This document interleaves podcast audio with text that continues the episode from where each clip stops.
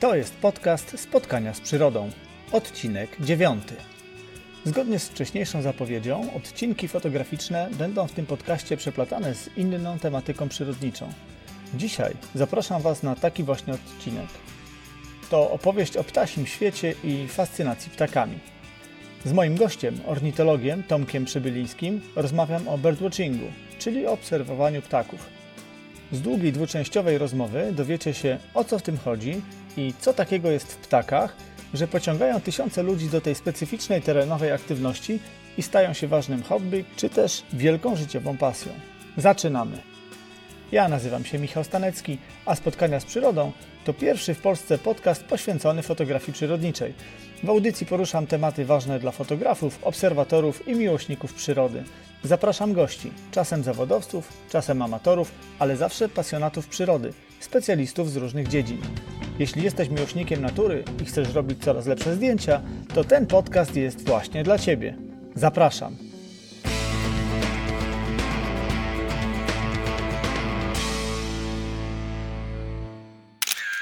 Kalendarz przyrodnika, czyli co w trawie piszczy. Przez kilka dni odkrywaliśmy Wigierski Park Narodowy. W lasach i na jeziorach udało się zobaczyć w sumie ponad 100 gatunków ptaków i aż 12 gatunków ssaków. Niektóre miejsca bardzo nas oczarowały, mocno przywołując skojarzenia z Finlandią i skandynawskim klimatem tajgi. Jadąc na Subalszczyznę zatrzymaliśmy się na kilka godzin nad Biebrzą. Tam również rozglądaliśmy się za zwierzakami, przemierzając jeden ze szlaków i odwiedzając kilka znanych miejscówek dogodnych do obserwacji. Relacje z tego wyjazdu zobaczycie niebawem na moim blogu. A tymczasem daję Wam krótką dźwiękową namiastkę tego, co tam się działo. Posłuchajcie. Jest czwarta rano, 4 stopnie na termometrze. Figerski Park Narodowy. Ruszam na szlak. No jeszcze nie, nie wzeszło słońce, jeszcze jest chwila. Jest rzeźko, ptaki śpiewają z bardzo dużą intensywnością, naprawdę. Po mocno deszczowym dniu, dzisiaj czyste niebo. Zobaczymy, co będzie w terenie. Liczmy na to, że przy śródleśnych jeziorach trochę jakiejś mgły i klimatycznych warunków. Ciąg dalszy naszej wędrówki po Wigierskim Parku Narodowym. Idziemy przez puszczę długim szlakiem, długą pętlą 14-kilometrową. Przez krótki odcinek szliśmy wzdłuż Czarnej Hańczy, niesamowite miejsce. Dolina podmokła. Teraz idziemy przez puszczę, taką fajną, naturalnie zabałaganioną, sprawiającą wrażenie naprawdę starego lasu. Przeszło nam stado jeleni, zresztą chwilę wcześniej pokazały je psy, bo są czujne. Ciągle staramy się wypatrzeć dzięcioła trójpalczastego, no ale na razie potwierdza się teza, że dla nas ten gatunek nie istnieje. Idziemy dalej, próbujemy. Wieczór, 20.20. Przyszliśmy na kilkadziesiąt minut posiedzieć sobie nad brzegiem jeziora. Jest to jezioro leżące na granicy Parku Narodowego i przez te kilkadziesiąt minut około 30 gatunków ptaków dało się zobaczyć i usłyszeć. A na finał, kiedy już zaczęło robić się tak szarawo, w dosłownie 10 metrów obok nas przepłynął sobie wyluzowany bubr, który zanurkował przy brzegu i pewnie wyłonił się tutaj w podmokłym lesie kawałek dalej. Cześć, witam Was w dziewiątym odcinku Spotkań z Przyrodą. Choć dzisiaj skupiamy się na obserwowaniu ptaków, to poruszane treści są również uniwersalne dla fotografów. Wielu fotoprzyrodników szczególnie upodobało sobie właśnie ptaki. Dobrze jest dużo o nich wiedzieć, bo ta wiedza może przełożyć się na ich skuteczne wypatrywanie, poznanie ich zachowań i wreszcie na robienie lepszych zdjęć. Dlaczego podglądamy ptaki? Ptaki fascynowały człowieka od początku istnienia ludzkości. Tysiące lat temu umieszczał ich wizerunki na ścianach jaskiń. Ptaki były tematami mitów, legend, a także natchnienia dla artystów. Budziły i nadal budzą zachwyt swoją różnorodnością, barwami, kształtami, zachowaniami i głosami. Część z nich zbliżyła się do człowieka, stając się niemalże od niego zależna. Inne pozostały nieufne, stając się symbolami dzikiej przyrody. Polska jest atrakcyjna dla obserwatorów ptaków nie tylko z uwagi na Puszczę Białowieską czy inne unikalne środowiska. Atrakcyjna jest również dlatego, że nieraz wystarczy tylko wsiąść na rower albo samochodem przejechać kilkanaście kilometrów, aby całkiem blisko znaleźć ptasie krainy, o których istnieniu nie mieliśmy wcześniej pojęcia. Dzisiejszy odcinek kieruje do tych, którzy dopiero stawiają swe pierwsze kroki i wszystko jest jeszcze przed nimi, ale również bardziej doświadczeni obserwatorzy mogą usłyszeć w nim wiele ciekawych informacji. Każdy doświadczony ptasiarz też kiedyś zaczynał i zaczynał od rzeczy najprostszych. Na rozbudzenie w sobie ptasiej pasji nigdy nie jest za późno. W miarę nabierania doświadczenia, a to wzrasta dosłownie z każdym spacerem, zaczyna się widzieć i słyszeć więcej, a radość wynikająca z kolejnych nowych obserwacji dodatkowo nakręca nas do dalszego działania. Chęć oglądania i podziwiania kolorowych, pierzastych istot nieodłącznie wiąże się z przebywaniem na świeżym powietrzu. Zwykle wymaga od nas również pewnej dawki ruchu. To z kolei w połączeniu z odpoczynkiem psychicznym, jaki zapewnia nam bezpośrednie obcowanie ze światem przyrody, daje nam fantastyczne możliwości pozytywnego zagospodarowania czasu, przynajmniej w weekendy. Dzisiaj moim gościem jest Tomek Przybyliński. Tomek jest absolwentem Wydziału Biologii Uniwersytetu Łódzkiego. Najwięcej czasu poświęca monitoringowi i ochronie ptaków podmokłych łąk, a przede wszystkim ochronie ptaków szponiastych. Od wielu lat jest aktywnym współpracownikiem Komitetu Ochrony Orłów. Jak samo sobie mówi, zawodowo jest ornitologiem, a po pracy po prostu pasjonatem, obserwatorem ptaków. Naszą długą rozmowę podzieliłem na dwie części. Dzisiaj zaczynamy, a kontynuować będziemy za tydzień. Zapraszam do wysłuchania pierwszej części rozmowy z Tomkiem Przybylińskim. Cześć Tomku. Dziękuję, że zgodziłeś się wziąć udział w mojej audycji. Cieszę się, że znalazłeś czas. Przedstaw się proszę słuchaczom. Dzień dobry wszystkim. Z tej strony Tomek Przybyliński, ornitolog z zawodu, obserwator ptaków z zamiłowania. Zajmuję się e, ptakami, tak jak powiedziałem, zawodowo, natomiast interesuję się nimi, ich obserwowaniem. Myślę, że już spokojnie można powiedzieć od ćwierć wieku, więc wydaje mi się, że, że trochę, trochę jakiejś wiedzy w tym temacie mam. Czyli ująłeś to w taki sposób, że ornitolog to, bo to tak się zdaje się y, definiuje, ornitolog to ktoś, kto zajmuje się tym zawodowo, natomiast ktoś, kto, y, dla kogo jest to hobby i pasja, no, można powiedzieć, że jest obserwatorem ptaków, czy takie mm, określenia jak ptasiarz, ptakolub może mniej popularne, no bo nie mamy w Polsce takiego fajnego słowa, nie? Birdwatcher funkcjonuje generalnie i birdwatching, Ornitolog generalnie to ktoś, kto, tak jak słusznie zauważyłeś, zajmuje się ptakami zawodowo. Jest to jego zawód, źródło utrzymania, no bo najczęściej e, ornitologom zawodowym płaci się za, za ich zajmowanie się ptakami, bez względu na to, czy to są jakieś badania naukowe, monitoringi i tak dalej. Natomiast obserwator ptaków, ptasiarz, birdwatcher to, to ktoś, kto obserwuje ptaki e, dla przyjemności. E, nie jest to e, jego zasadnicze zajęcie, źródło dochodów, po prostu czerpie z tego przyjemność, pozwala mu się to odprężyć. Natomiast ciekawe jest to, że wielu obserwatorów ptaków czy birdwatcherów, którzy formalnie nie są ornitologami, no tak pasjonuje się tym hobby, że osiągają poziom e, myślę, mm, wiedzy na temat ptaków na, na poziomie zawodowych ornitologów, więc ta granica jest, e, myślę, dosyć płynna.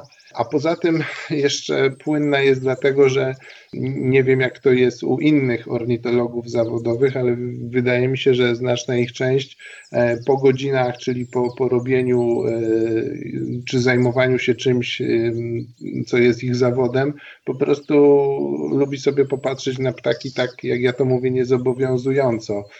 Ja sam się łapię na tym, że w sezonie, kiedy mam dużo jakichś monitoringów, jakichś inwentaryzacji, jakichś badań nad ptakami, po prostu czasami mam ochotę y, już po tym wszystkim pojechać sobie na jakiś tam zbiornik, stawy i tak dalej, usiąść z lunetą i po prostu e, przeistoczyć się z y, ornitologa zawodowego w takiego właśnie birdwatchera e, i popatrzeć na ptaki bez jakby presji, że, że muszę coś policzyć, zmapować, zinwentaryzować i tak dalej. A czy birdwatching jako hobby jest w Polsce popularny? Jak myślisz? E, Powiem tak, na pewno jest coraz popularniejszy. Dawniej e, to wręcz anegdotycznie można było powiedzieć, tak e, bym powiedział z przymrużeniem oka, patrzyło się na zwłaszcza dorosłe osoby czy w sile wieku, które biegały, mówiąc nieco przewrotnie, z lornetką e, po jakichś podmokłych terenach, bagnach i tak dalej. I wiele osób jakby tego nie rozumiało. Natomiast można powiedzieć, że birdwatching e, jako hobby jest cechą E, rozwiniętych społeczeństw i im bardziej się nasze społeczeństwo, myślę, rozwija, tym raz, że, że takie osoby są traktowane poważniej, a dwa, że ich przebywa i, i wiele, coraz więcej osób znajduje e, przyjemność w takim sposobie spędzania wolnego czasu i w takim sposobie relaksowania się, no bo w mojej ocenie e, zarówno jako ornitologa, jak i birdwatchera to jest po prostu przyjemny sposób spędzania wolnego czasu no, bardzo odprężający psychicznie. Także co, coraz więcej osób, wydaje mi się, podziela taką opinię. Pamiętam, że kilka lat temu gdzieś wyszperałem statystyki. To wyglądało to mniej więcej tak, że na poziomie Wysp Brytyjskich e, birdwatcherów liczono w milionach, bo tam bodajże szacowano na 4 miliony ludzi, no a u nas raptem na kilka tysięcy. No pewnie sporo się od tego czasu zmieniło, bo i dostępna jest wiedza, między mhm. innymi książki, o jednej wspomnimy troszkę później. Dostępny jest sprzęt, zarówno sprzęt optyczny, czyli lornetki, lunety, sprzęt fotograficzny, bo często fotografia też idzie w parze z obserwacją ptaków, więc pewnie to faktycznie skłania ludzi do tego, żeby, żeby w teren ruszać nie? i patrzeć na ptaki komentując jakby dane, które, które przytoczyłeś, no to można powiedzieć, że od razu uderzyłeś z grubej rury, gdyż no, Wyspy Brytyjskie... No dobra, to mogę powiedzieć o Holandii w takim razie zamiast... Do nie, nie, nie, to, to, to z grubej rury, ale to dobrze, bo, bo to pokazuje jak w takich właśnie krajach jak y, Wyspy Brytyjskie, Holandia, to hobby jest już od lat zakorzenione i, i jest bardzo typowym, nie, jakby zdziwienia sposobem e, spędzania wolnego czasu. Co więcej, jeśli chodzi o Wyspy Brytyjskie, to jest e, Królewskie Towarzystwo Ochrony Ptaków jest tak znaczącą siłą i, i masą ludzi, że na przykład decyzje polityczne różne biorą pod uwagę stanowisko tej organizacji, znaczy partie polityczne podejmując różne decyzje, biorą pod uwagę no, stanowisko Królewskiego Towarzystwa Ochrony Ptaków i to pokazuje, jak daleko zakorzeniona i dawna tradycja na Wyspach Brytyjskich no, rozwinęła się przez dziesiątki lat i do, do, do czego doprowadziła. Natomiast no, u nas myślę, że mm, to oczywiście nie są, mm, zdecydowanie nie są liczby tego rzędu, natomiast generalnie widać zdecydowaną tendencję rozszerzania się tego, tego hobby, tego sposobu spędzania wolnego czasu. Coraz więcej ludzi się tym zajmuje, coraz więcej ludzi, tak jak powiedziałem, odnajduje w tym przyjemność i nawet jeśli wciąż to nie, nie, nie są no, nawet dziesiątki tysięcy, tylko podejrzewam, że może kilkanaście tysięcy, chociaż to teraz strzał z mojej strony, no to, to generalnie tendencja jest wybitnie e, wzrostowa. Myślę, że widać to też na przykładzie pewnych stron czy serwisów internetowych, które donoszą o obserwacjach ptaków konkretnych gatunków, często rzadkości. I tutaj też widać, że z roku na rok po prostu tych informacji spływa coraz więcej, co też tak, może świadczyć tak. o tym, prawda, że tych obserwatorów jednak w terenie pojawia się coraz większa rzesza. A powiedz mi, jak się zostaje takim obserwatorem ptaków? Ty pamiętasz, jak zaczynałeś? No powiem tak, podejrzewam, że tylu, ilu jest obserwatorów ptaków, tyle, tyle można by historii przytoczyć, natomiast no jakieś tam wspólne pewnie cechy takiego rozwoju, y, stawania się obserwatorem ptaków wśród historii tych ludzi są. Jeśli o mnie chodzi, no to, to było mm, tak, że, że ptakami zainteresowałem się gdzieś y, we wczesnych latach szkoły podstawowej. Można powiedzieć, że miałem ciut łatwiej, dlatego że y, moja mama y, była wówczas nauczycielem biologii, więc siłą rzeczy w moim domu rodzinnym było sporo książek o, o, o, generalnie o biologii, o zwierzętach. Po prostu zaczynałem te książki sobie oglądać. No i ptaki, co tutaj dużo mówić, są zwierzętami dość efektownymi, przynajmniej niektóre z wyglądu, więc pierwsze co, no to za, zafrapował mnie ich wygląd, na przykład ptaków drapieżnych, co zostało mi, można powiedzieć, do dziś dnia.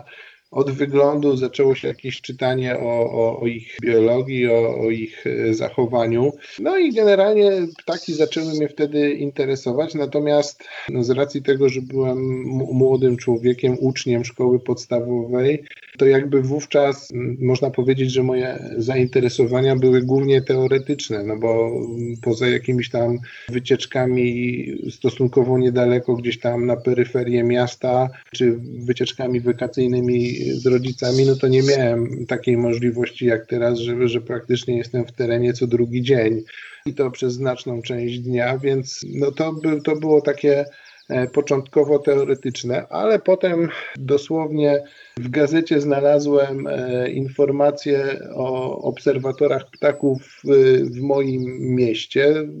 Zadzwoniłem do nich, e, zabrali mnie raz, to było jakoś tak na koniec szkoły podstawowej i można powiedzieć, że od tego momentu zacząłem się przeistaczać w obserwatora również terenowego, czyli to teoretyczne jakby znanie ptaków z książek, e, z jakichś programów telewizji zaczęło się przeistaczać po prostu w ich e, no, coraz częstsze obserwowanie w terenie. Także no to, to przełom szkoły podstawowej i liceum to jest jakby ten, ten moment, kiedy zacząłem no już bardzo intensywnie jeździć w teren. No i trwa to właściwie do dziś dnia. A powiedz mi, bo myślę o początkujących, którzy stawiają swoje pierwsze kroki.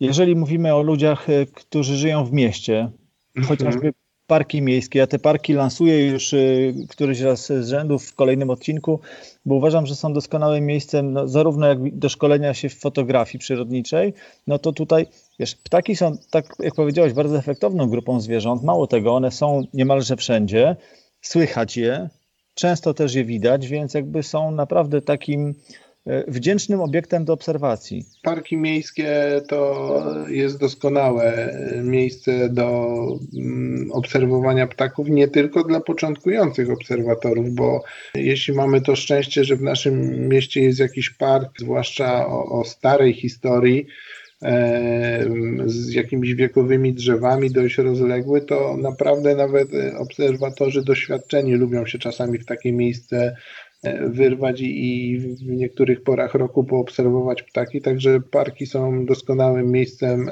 żeby zaczynać. No, zaletą obserwowania ptaków w mieście, jakby w najbliższym otoczeniu miejsca, w którym no, część z nas mieszka, jest to, że że ptaki w mieście generalnie są przyzwyczajone do ludzi, nie są zbyt płochliwe i po prostu można je oglądać dość łatwo z niedużej odległości i często wystarczającym sprzętem jest e, sama lornetka. Przeszedłeś płynnie do sprzętu, o to miałem zapytać w kolejnym pytaniu. Czyli lornetka i luneta to taki podstawowy sprzęt. E, czy do, do bycia ptasiarzem potrzebne są jakieś specjalne ciuchy, maskowanie, tak jak do fotografii? Powiem tak, a propos sprzętu, no to e, niezbędnym minimum ptasiarza jest oczywiście lornetka. E, no wybór lornetek e, obecnie jest bardzo duży, zarówno jeśli chodzi o ich jakość, jak i ich ceny. Luneta, no to już jest i, i cenowo, i, i, logistycznie poważniejsza sprawa, dlatego że no, wymaga statywu, zajmuje więcej miejsca, ale z drugiej strony kiedy już opuścimy miejskie parki i zwłaszcza przy, próbujemy obserwować ptaki na otwartych terenach, no to jest nieodzowny e, raczej atrybut ptasiarza.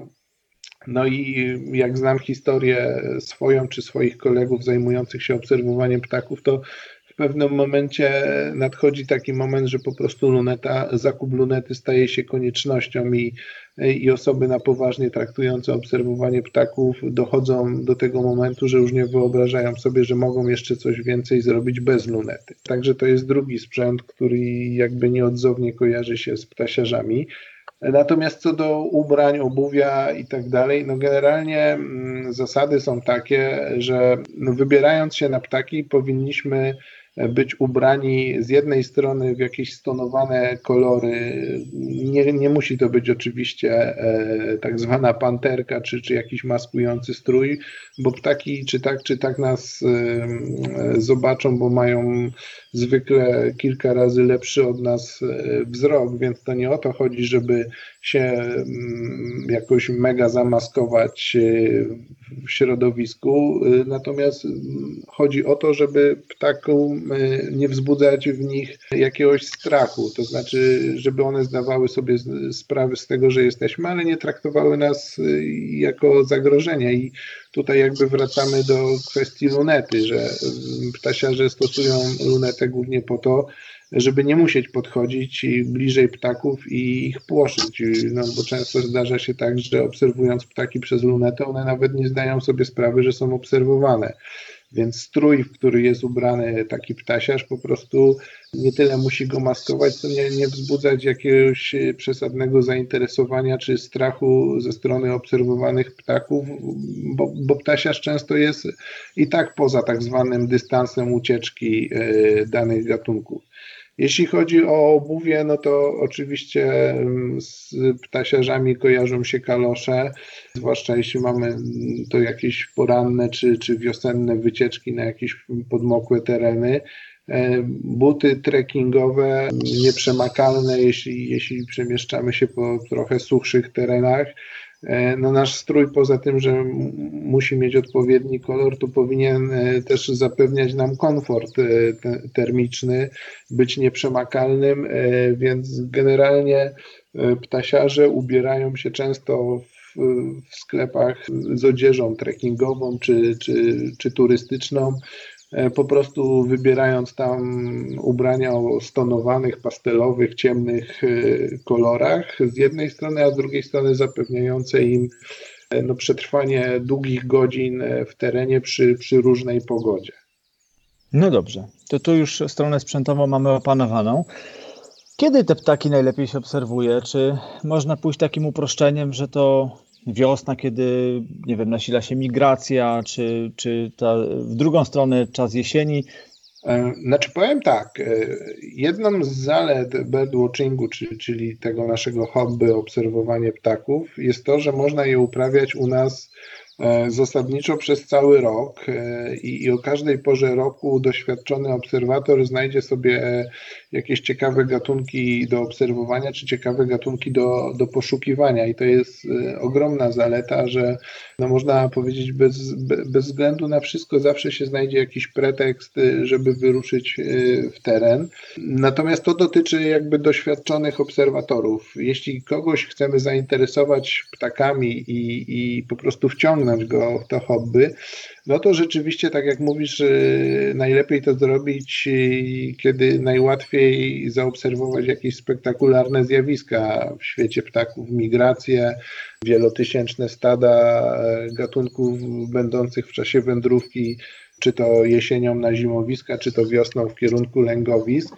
I to jest jakby dobry moment, y, żeby kogoś zainteresować, pokazać mu jakby spektakularność niektórych zjawisk w świecie ptaków. Natomiast jak ktoś już się wciągnie, jest y, no, doświadczonym obserwatorem, to nawet w środku zimy y, znajdzie sobie mm, jakieś cele wypraw i, i naprawdę nawet w środku zimy można szukać fajowych gatunków, których na przykład nie da się zobaczyć o innej porze roku, bo tylko do nas na zimę przylatują.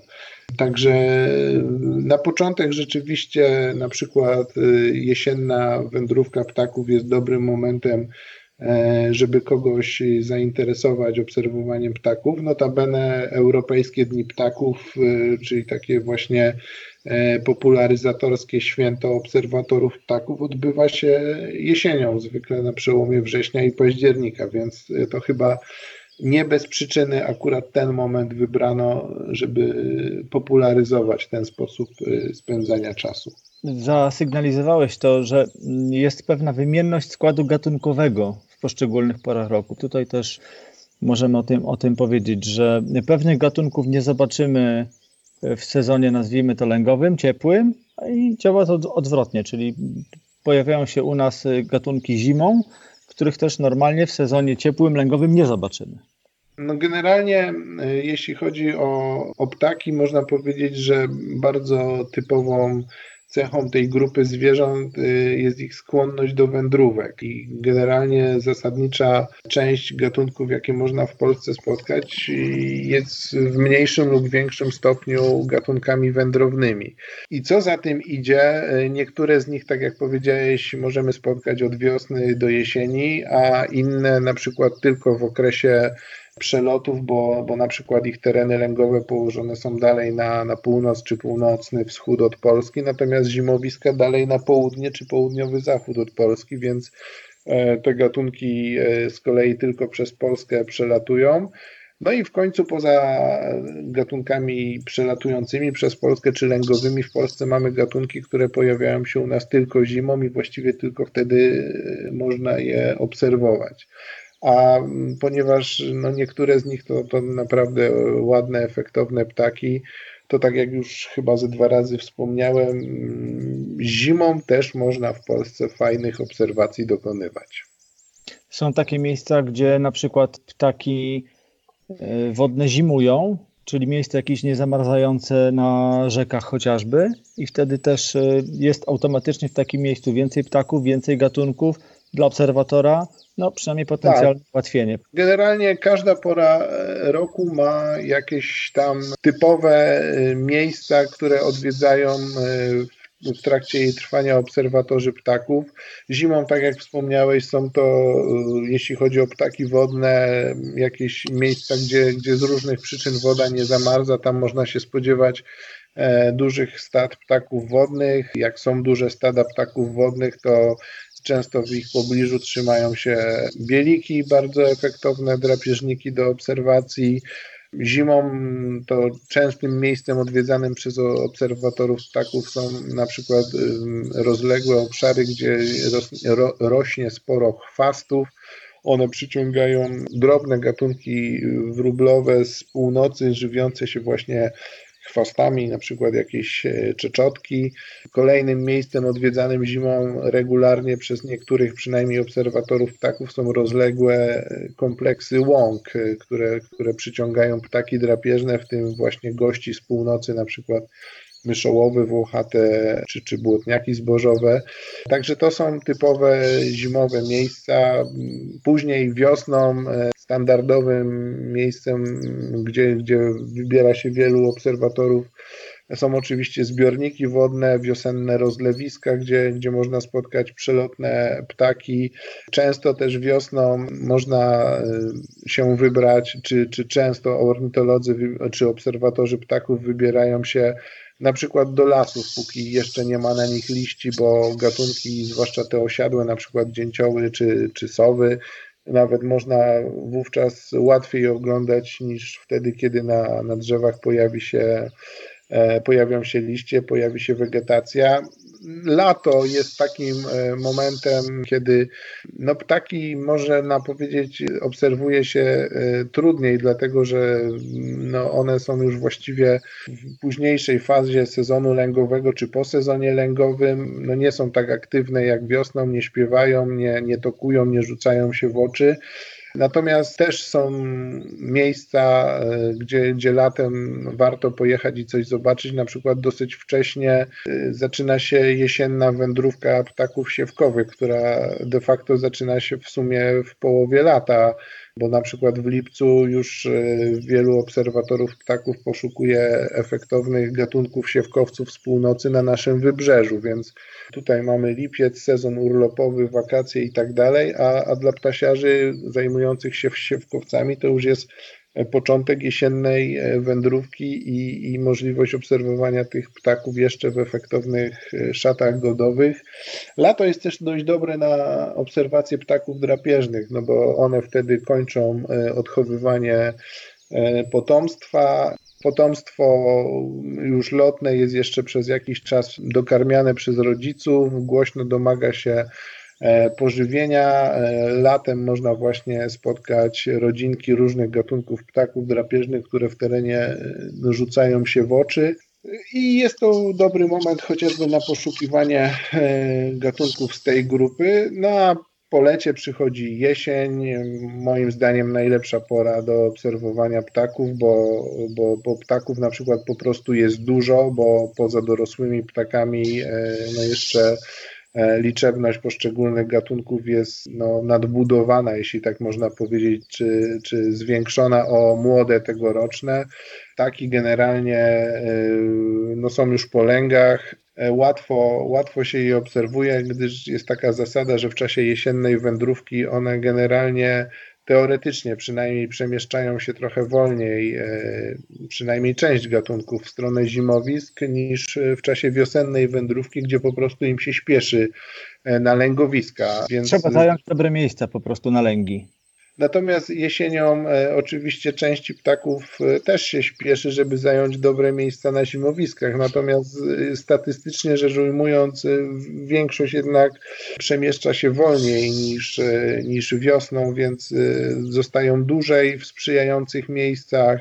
I, i, generalnie łatwiej się je obserwuje. No, typowymi miejscami na jesienne wycieczki są rozległe zbiorniki wodne, jakieś y, płytkie zbiorniki, gdzie są jakieś y, roz, płytkie, płytkie rozlewiska, łachy, błotniste brzegi i tak dalej, gdzie wielu obserwatorów y, ponownie poszukuje popularnej wśród nich grupy, jaką są ptaki siewkowate, ale na przykład jesienią wycieczka do miejskiego parku w dobrym momencie przelotu drobnych ptaków wróblowych może dostarczyć naprawdę wielu fajnych obserwacji migrujących wróblaków, zwłaszcza jeśli no, mamy jakieś tam załamanie pogody, jakąś mglistą noc i tak dalej, to wtedy nawet w miejskim parku ptaki są zmuszone do, do zatrzymania się, do przerwania wędrówki i, i wówczas nawet w miastach można dokonywać e, ciekawych e, obserwacji.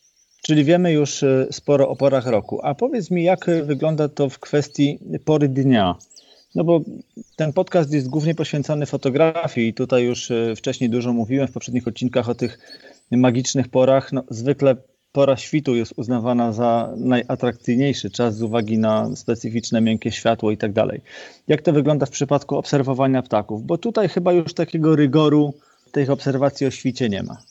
To znaczy. W zależności za... pewnie od gatunków, czasu. Tak, tak, to wszystko zależy na, na obserwowanie, jakiej grupy ptaków się nastawiasz. Oczywiście w świecie ptasiarzy funkcjonuje taki termin tłumaczony z angielskiego jako poranny chór. I rzeczywiście wiosną, kiedy ptaki na przykład śpiewające e, zajmują terytoria i, i ogłaszają śpiewem zajęcie rewiru, najczęściej e, śpiewają najintensywniej rano i, i, i, wtedy najłatwiej je zlokalizować, najłatwiej je usłyszeć. Niektórzy też twierdzą, że ranek jest dlatego dobry, żeby tych ptaków szukać, znaczy mam na myśli ptaki śpiewające, ptaki wróblowe, bo po prostu innych dźwięków w otoczeniu, zwłaszcza antropogenicznego pochodzenia, nie ma wtedy w Tak, nie jeżdżą powietrzu. traktory, no, nie szczekają psy tak intensywnie gdzieś. Tak, więc, więc generalnie z racji tego raz, że dobrze słychać ptaki, a dwa, y, ptaki słychać dobrze, dlatego że na ranek się po prostu nastawiają. E, więc y, jeśli chodzi o, o porę dnia, no to na przykład wiosną, jeśli poszukujemy ptaków lęgowych, to rzeczywiście poranek, świt y, jest, jest dobrym momentem. Ale nie tylko, bo na przykład jeśli mamy ochotę poobserwować sobie w pogodny dzień krążące ptaki drapieżne, to oczywiście one nie będą tego robiły o świcie, tylko dopiero wtedy, kiedy pojawią się odpowiednie warunki do, do szybowania, do, do krążenia, kiedy pojawią się tak zwane kominy termiczne, które zwykle pojawiają się no, około 9-10 e, rano, późną wiosną czy latem. I, I na przykład jak ktoś ma ochotę pooglądać sobie szybujące drapieżniki, e, no to, to, to nie, nie, nie powinien wybierać się w teren o świcie, tylko właśnie tak trochę późniejszym rankiem, czy wręcz wczesnym popołudniem. Natomiast y, oczywiście są specyficzne grupy ptaków, y, na które trzeba się wybierać o specyficznych porach doby. No, najlepszym przykładem są choćby sowy. To jest grupa, którą generalnie w większości wypadków raczej się słyszy niż ogląda i żeby słyszeć sowy, no to trzeba ich nasłuchiwać w momencie, kiedy mm, są najaktywniejsze, a większość naszych gatunków jest aktywna o zmierzchu albo w nocy. Czy jak ktoś ma ochotę poszukiwać, nie wiem, tokujących lelków, no to też oczywiście do tego najlepszą porą jest zmierzch i noc. Co jeszcze można powiedzieć o, o czasie obserwacji? No, generalnie, y, jeśli chodzi na przykład o wędrowne ptaki i okres wędrówek, czy, czy okres zimowania, czyli czas poza sezonem lęgowym, no to wtedy pora dnia już nie ma aż takiego znaczenia, no bo, y, no bo ptaki wtedy już nie są zajęte jakimś zajmowaniem terytoriów tokowaniem i tak dalej, tylko po prostu są w czasie wędrówek i wtedy można je właściwie o każdej porze, e, porze dnia oglądać.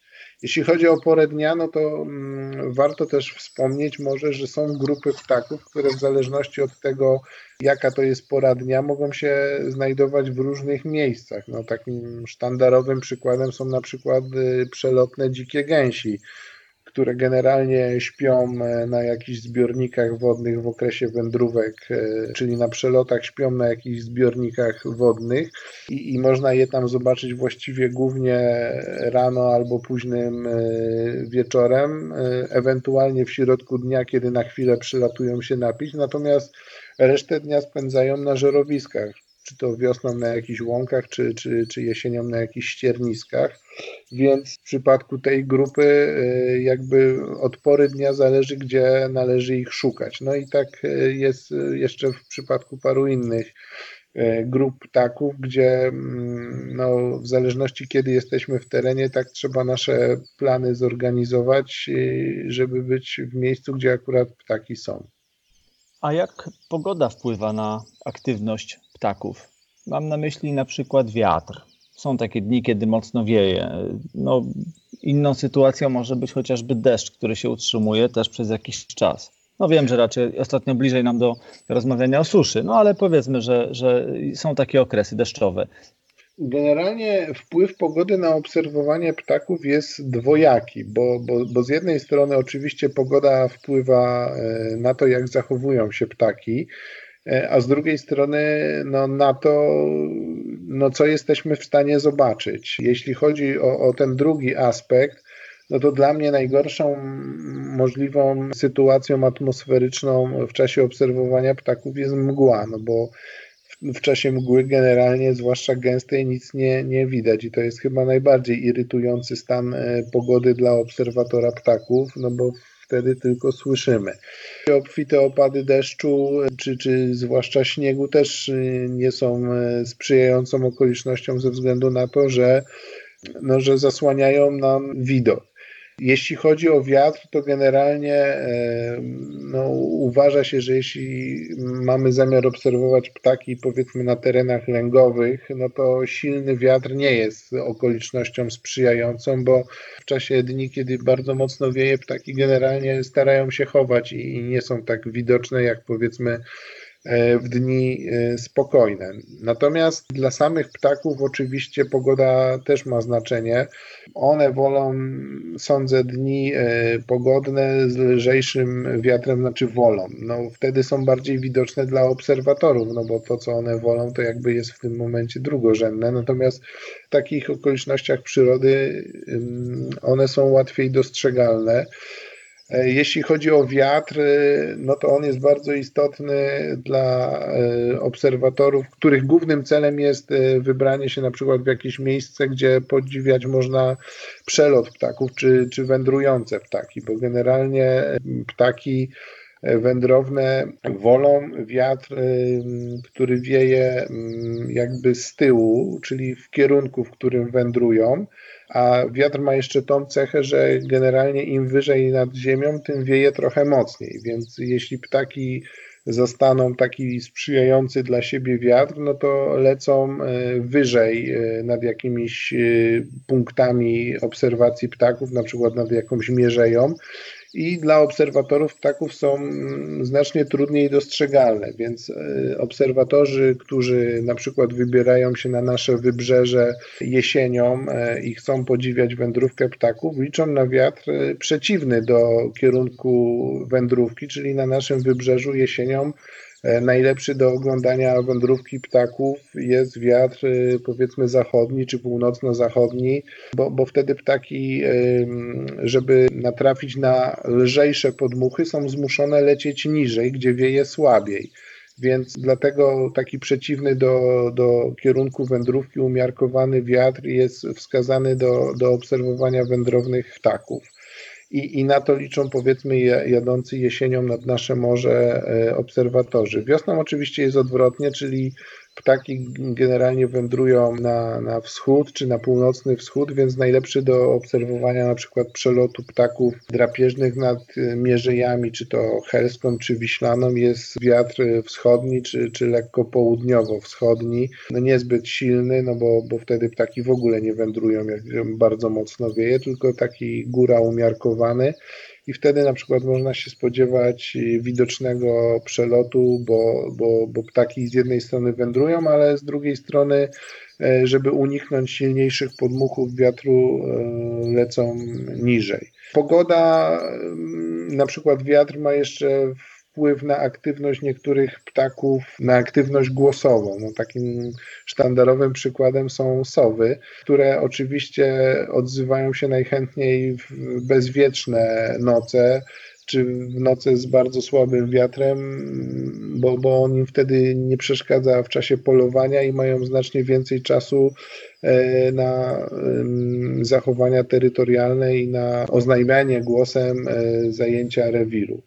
Oczywiście ptaki są mniej aktywne w czasie opadów deszczu, czy, czy no, jakiś zimą opadów śniegu, no bo generalnie wtedy starają się przetrwać ten niekorzystny dla nich y, okres.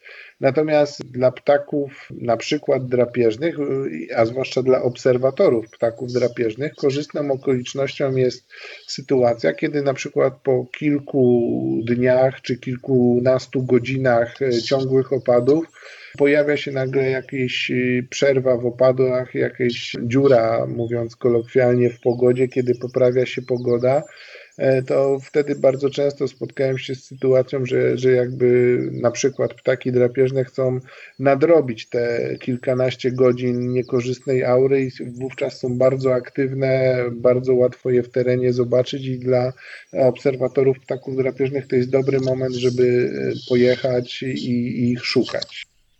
Jak mówiliśmy o tych e, trudnych warunkach, mówiłeś też o wybrzeżu morskim, to przypomniała mi się taka sytuacja, kiedy to właśnie sztorm mobilizuje obserwatorów z trochę innej przyczyny, bo wtedy jest szansa na wypatrzenie tych gatunków, które zwykle są gdzieś głębiej na morzu, ale tak. z uwagi na wiejące wiatry pojawiają się bliżej wybrzeża i może warunki wtedy są e, trudne dla, e, dla obserwatorów i do samego obserwowania, no ale można zyskać pewnego rodzaju nagrodę, obserwując gatunki rzadkie, rarytasy. Tak. Coraz popularniejszy w Polsce jest tak zwany sea watching, czyli obserwowanie ptaków e, z wybrzeża morskiego i, i, dla osób tym parających się, dla obserwatorów ptaków, którzy e, no, szczególnie często się na sea watching wybierają, taką okolicznością e, skłaniającą do, do wyjścia w teren, do e, znalezienia się na plaży, no bo to generalnie z plaży odbywa się to obserwowanie, czy, czy z wydm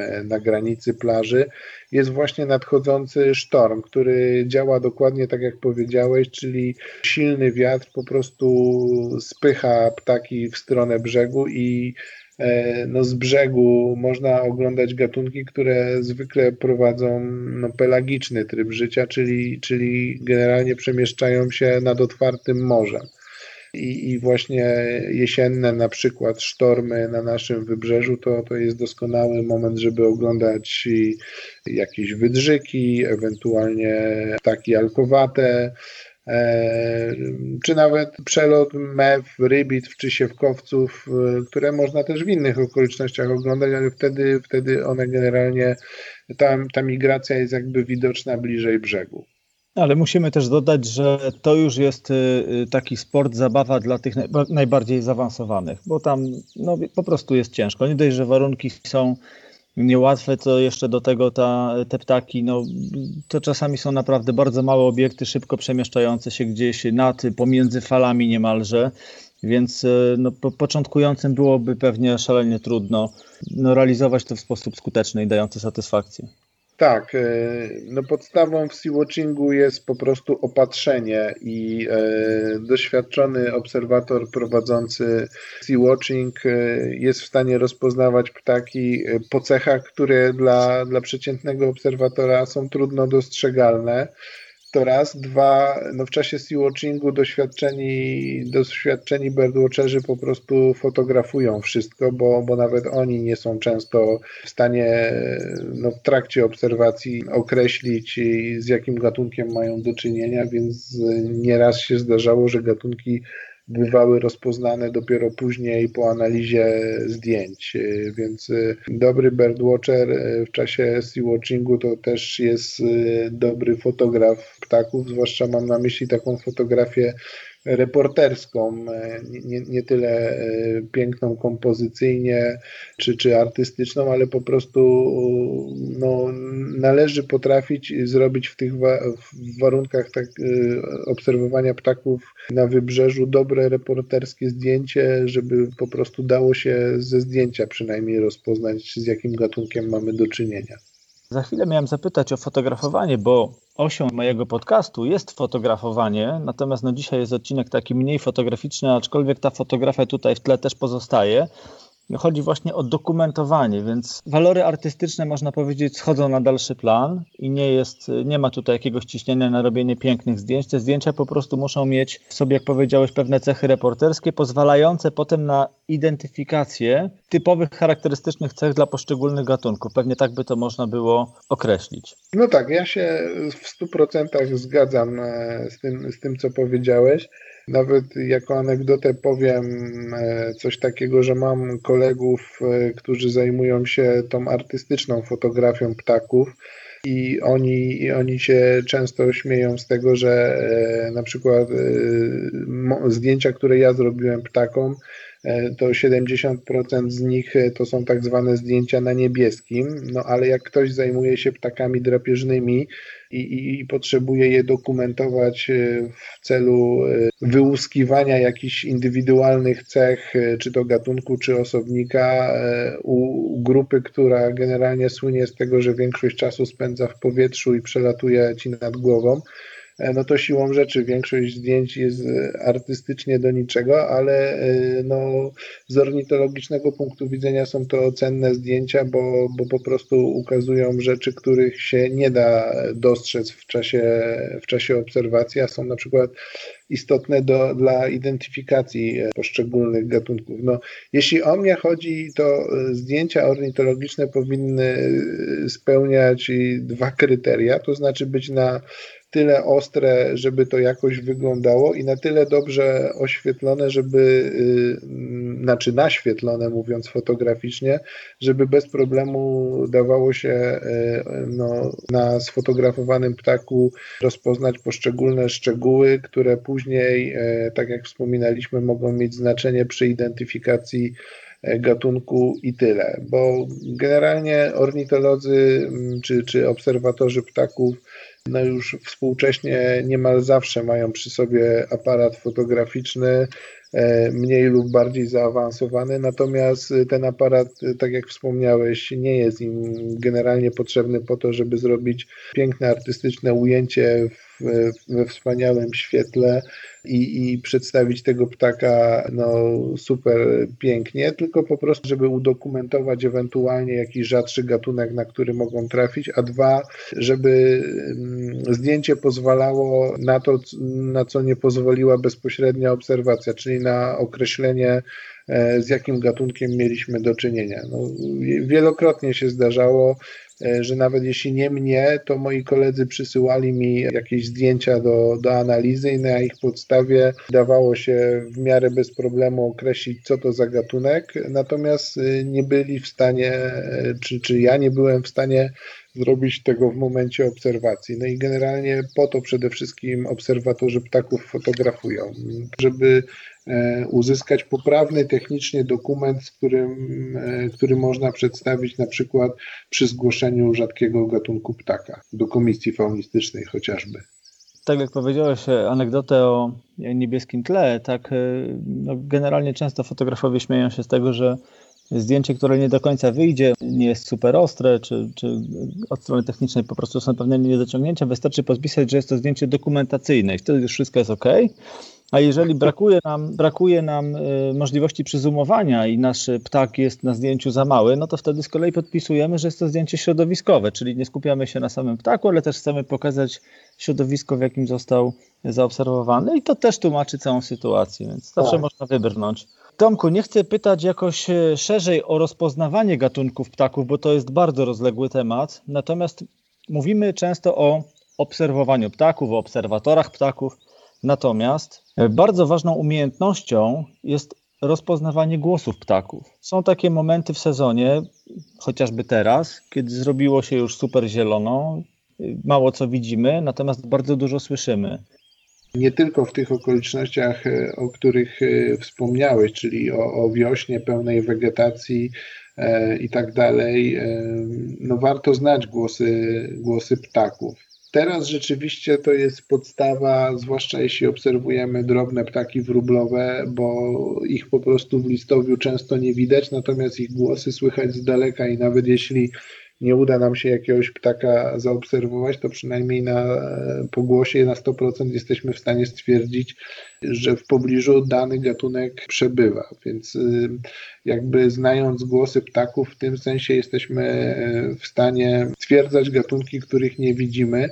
I ornitologom, którzy przeprowadzają różne inwentaryzacje, y, czy też obserwatorom ptaków, którzy zwiedzają daną okolicę, znajomość głosów jest po prostu niezbędna. Głosy mają jeszcze to do siebie, że na przykład y, przy dwóch bardzo podobnych gatunkach, y, podobnych w sensie z wyglądu, zwłaszcza jeśli chodzi o, o ptaki wróblowe, y, te gatunki różnią się mocno głosem i głos jest mm, jakby w tym przypadku nie tylko niezbędny żeby stwierdzić e, obecność jakiegoś ptaka, ale żeby w ogóle rozróżnić no, dwa blisko spokrewnione i bardzo podobne gatunki e, między sobą i głos wtedy jest jedną z najistotniejszych cech rozpoznawczych. No, daleko nie szukając na przykład pierwiosnek i piecuszek, bardzo podobne do siebie małe, drobne ptaszki, które, y, które jeśli nawet widać w terenie, to ciężko jakieś szczegóły upierzenia czy wyglądu dostrzec, natomiast kompletnie inaczej się odzywają i w, takim przypadku głos jest tą jednoznaczną, przesądzającą cechą, z którym gatunkiem mamy do czynienia. Uważa się mm, powszechnie, że no, głosy są najważniejsze przy rozpoznawaniu jakichś drobnych ptaków, przy, przy inwentaryzowaniu słów, które, tak jak powiedziałem, no, częściej słychać niż widać, ale na przykład y, mnie przydają się również y, w jakichś tam obserwacjach czy badaniach ptaków drapieżnych, no bo są sytuacje nawet w takiej grupie ptaków, która niezbyt się kojarzy na pierwszy rzut y, ucha, w tym przypadku z nasłuchiwaniem ich głosów, kiedy, kiedy po głosach raz, że można te ptaki w ogóle stwierdzić, dwa, no zdarza się, że najpierw się je słyszy, a dopiero później zadziera głowę, żeby, żeby zobaczyć. Także krótko mówiąc, dobry obserwator ptaków nie tylko no, zna się na ptakach, kojarząc ich wygląd, ale no, musi, czy powinien e, też no, dojść dobrze, znać przynajmniej te podstawowe głosy szerokiego spektrum e, gatunków. Dzisiaj też e, fajnie wspiera nas technologia, bo wcześniej mieliśmy do dyspozycji tylko papierowe, książkowe atlasy ptaków, a dzisiaj są już aplikacje, chociażby do, do telefonów, do smartfonów, w których oprócz no, obrazków, bo często są to niesamowicie realistyczne rysunki albo zdjęcia obrazujące poszczególne gatunki. Dodane są też ich głosy, które można po prostu za naciśnięciem jednego symbolu głośniczka odsłuchać. No i to doskonale y, ułatwia nam poruszanie się w terenie i, i rozróżnianie faktycznie tego, co, co słyszymy. Także tutaj też pewnie warto korzystać z takich e, rozwiązań technicznych, które ułatwiają życie początkującym obserwatorom. Tak, ja po sobie jeszcze powiem, że mnie, jeśli chodzi o naukę rozpoznawania głosów ptaków, dużo dały w dość dawnych już czasach wycieczki z bardziej doświadczonym kolegą, który no raz, że znał te głosy ptaków i e, jakby zastępował to, o czym wspomniałeś, czyli aplikacje na, na telefonie. Po prostu nie, nie musiałem tego szukać, tylko ten, że jegomość e, byłby, był w stanie mi powiedzieć, jaki ptak w danym momencie śpiewa ale y, po drugie, co, co jeszcze temu obserwatorowi bardziej doświadczonemu wówczas ode mnie zawdzięczam, jest, y, było to, że y, w czasie, kiedy no, słuchaliśmy danego gatunku ptaków, on zwracał uwagę, jakie elementy w tym śpiewie są istotne do rozpoznawania na, na jakieś tempo, wysokość dźwięku, co, co ten śpiew przypomina, czy przypomina jaki gatunek, jakiś inny gatunek i czym się różni i tak dalej, i tak dalej. Więc y, generalnie mm, zmierzam do tego, że smartfony, aplikacje i tak dalej, ok, ale nic nie zastąpi jakby samodzielnej nauki w terenie. Najlepiej pod okiem czy pod uchem w tym przypadku y, bardziej, bardziej doświadczonego obserwatora, bo, bo z takiej wycieczki wspólnej naprawdę sporo można wynieść. Jest jeszcze jedna umiejętność bardzo pomocna w skutecznym obserwowaniu ptaków, czyli taka umiejętność powiązania poszczególnych gatunków z konkretnymi środowiskami, w jakich one występują.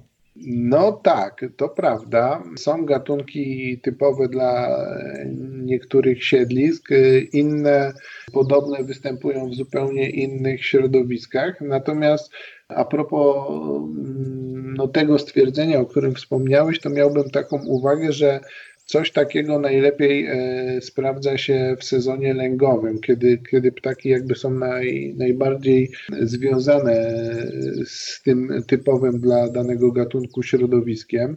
Natomiast jeśli chodzi o okresy przelotów, e, no to trzeba mieć jakby bardziej E, otwarty umysł, bo, bo w czasie migracji ptaki mogą się zatrzymać w przypadkowych dla danego gatunku e, siedliskach e, i, i, i wtedy już to środowisko nie jest taką istotną cechą rozpoznawczą.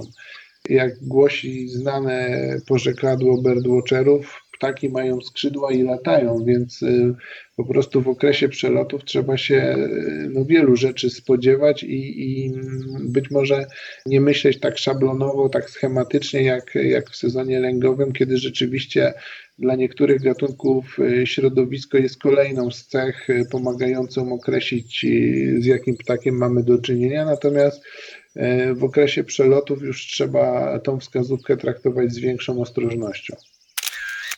To była pierwsza część rozmowy z ornitologiem Tomkiem Przybylińskim. Na drugą część zaproszę Was za tydzień. Usłyszycie w niej więcej ciekawych informacji o ptakach, ale poruszymy także trudne tematy dotyczące etyki obserwatorów i fotografów. Będzie m.in. o wabieniu ptaków głosami czy wykładaniu mięsa przed fotograficzne czatownie. Kącik techniczny. Dzisiaj w kąciku kilka słów o najważniejszym oprócz lornetki wyposażeniu ptasiarza. Luneta to sprzęt optyczny, który w odróżnieniu od lornetki ma tylko jeden obiektyw i jeden okular. Okular ten może być wymienny. Do lunety zawsze musimy mieć statyw. Lunetę poleca się głównie do śledzenia obiektów statycznych albo takich z powiedzmy przewidywanym torem ruchu. Luneta jest doskonała do obserwacji ptaków na akwenach wodnych i rzekach, ptaków siedzących na łąkach, polach, drzewach, do obserwacji ptaków drapieżnych, które czasem można też śledzić w locie. Potrzeba oczywiście nabrać wprawy w posługiwaniu się lunetą, podobnie jak na początku z lornetką czy teleobiektywem.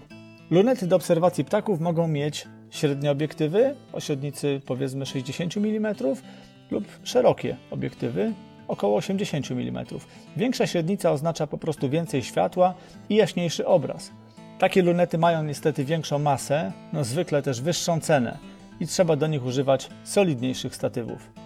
Luneta jest jednak nieodzowna i na pewnym etapie rozwoju birdwatchera staje się koniecznym wydatkiem, konieczną inwestycją. Rekomendacje. Dzisiaj chcę Wam polecić bestsellerową książkę Stanisława Łubieńskiego 12 srok za ogon. Niech rekomendacją tej książki będzie to, co napisał o niej profesor Maciej Luniak z Muzeum Instytutu Zoologii Polskiej Akademii Nauk. Aktualnie jest dużo różnych książek o ptakach, jednak wszystkie, które znam, zajmują się tym tematem w aspekcie przyrodniczym. Ta pokazuje ptaki z perspektywy humanisty, w sposób bardzo osobisty, ale też przekazując bogatą i rzetelną wiedzę. To książka zarówno dla tych, coraz liczniejszych, już opanowanych ornitologiczną fascynacją, jak też dla czytelników poszukujących interesującej lektury, którzy dotychczas mieli mniej styczności z tym tematem. Przed nimi odkryje ona świat ptaków, zadziwiający nie tylko bogactwem ich postaci i zachowań, ale także tym, jak bardzo jest on obecny w świecie ludzi. Ja dodam tylko od siebie, że 12 Srok to obecnie już wielki klasyk ptasiej literatury. Pozycja, którą po prostu trzeba przeczytać. Rekomenduję również kwartalnik Ptaki Polski. To czasopismo popularno-naukowe o tematyce poświęconej wyłącznie ptakom. Wydawane przez Tomasza Krzyśkowa od maja 2006 roku. Ciekawe tematy znajdą w nim zarówno początkujący, jak i doświadczeni ptasiarze. Polecam też dwa filmy. Pierwszy to Dziobem i Pazurem, film Krystiana Matyska, który wszedł do klasyki polskich filmów poświęconych tematyce przyrodniczej, a dokładniej tematyce ptasiej. Film, który po prostu zmienia nasze spojrzenie na ptaki. Drugi film to Wielki Rok. Opowieść o trzech Twitcherach rywalizujących o tytuł najlepszego obserwatora w Stanach Zjednoczonych. Do tego filmu należy podejść z dystansem i przymrużeniem oka. To luźna komedia z doskonałą obsadą. Po prostu warto ją zobaczyć. O wszystkich wymienionych tu pozycjach zamieszczam informacje w notatkach do tego odcinka na moim blogu. Na dzisiaj to wszystko. Za tydzień zaproszę Was do wysłuchania drugiej części rozmowy z Tomkiem Przybylińskim. Będziemy kontynuować temat birdwatchingu. W następnych odcinkach wrócimy do cyklu Warsztat fotografa i będziemy zagłębiać się w kolejne kategorie fotografii przyrodniczej. Jeśli podoba Wam się mój podcast, to możecie go polubić w źródłach, z których go słuchacie. Możecie go subskrybować albo udostępniać swoim znajomym. Takie działania to dla mnie nagroda za wykonaną pracę, możliwość pozyskania nowych słuchaczy a dla podcastu dodatkowa promocja. Dziękuję Wam za słuchanie kolejnych odcinków. Zbliżamy się do liczby 900 odsłuchań. To dla mnie wielka sprawa. Dziękuję za dziś. Naturalnie usłyszymy się za tydzień. Cześć!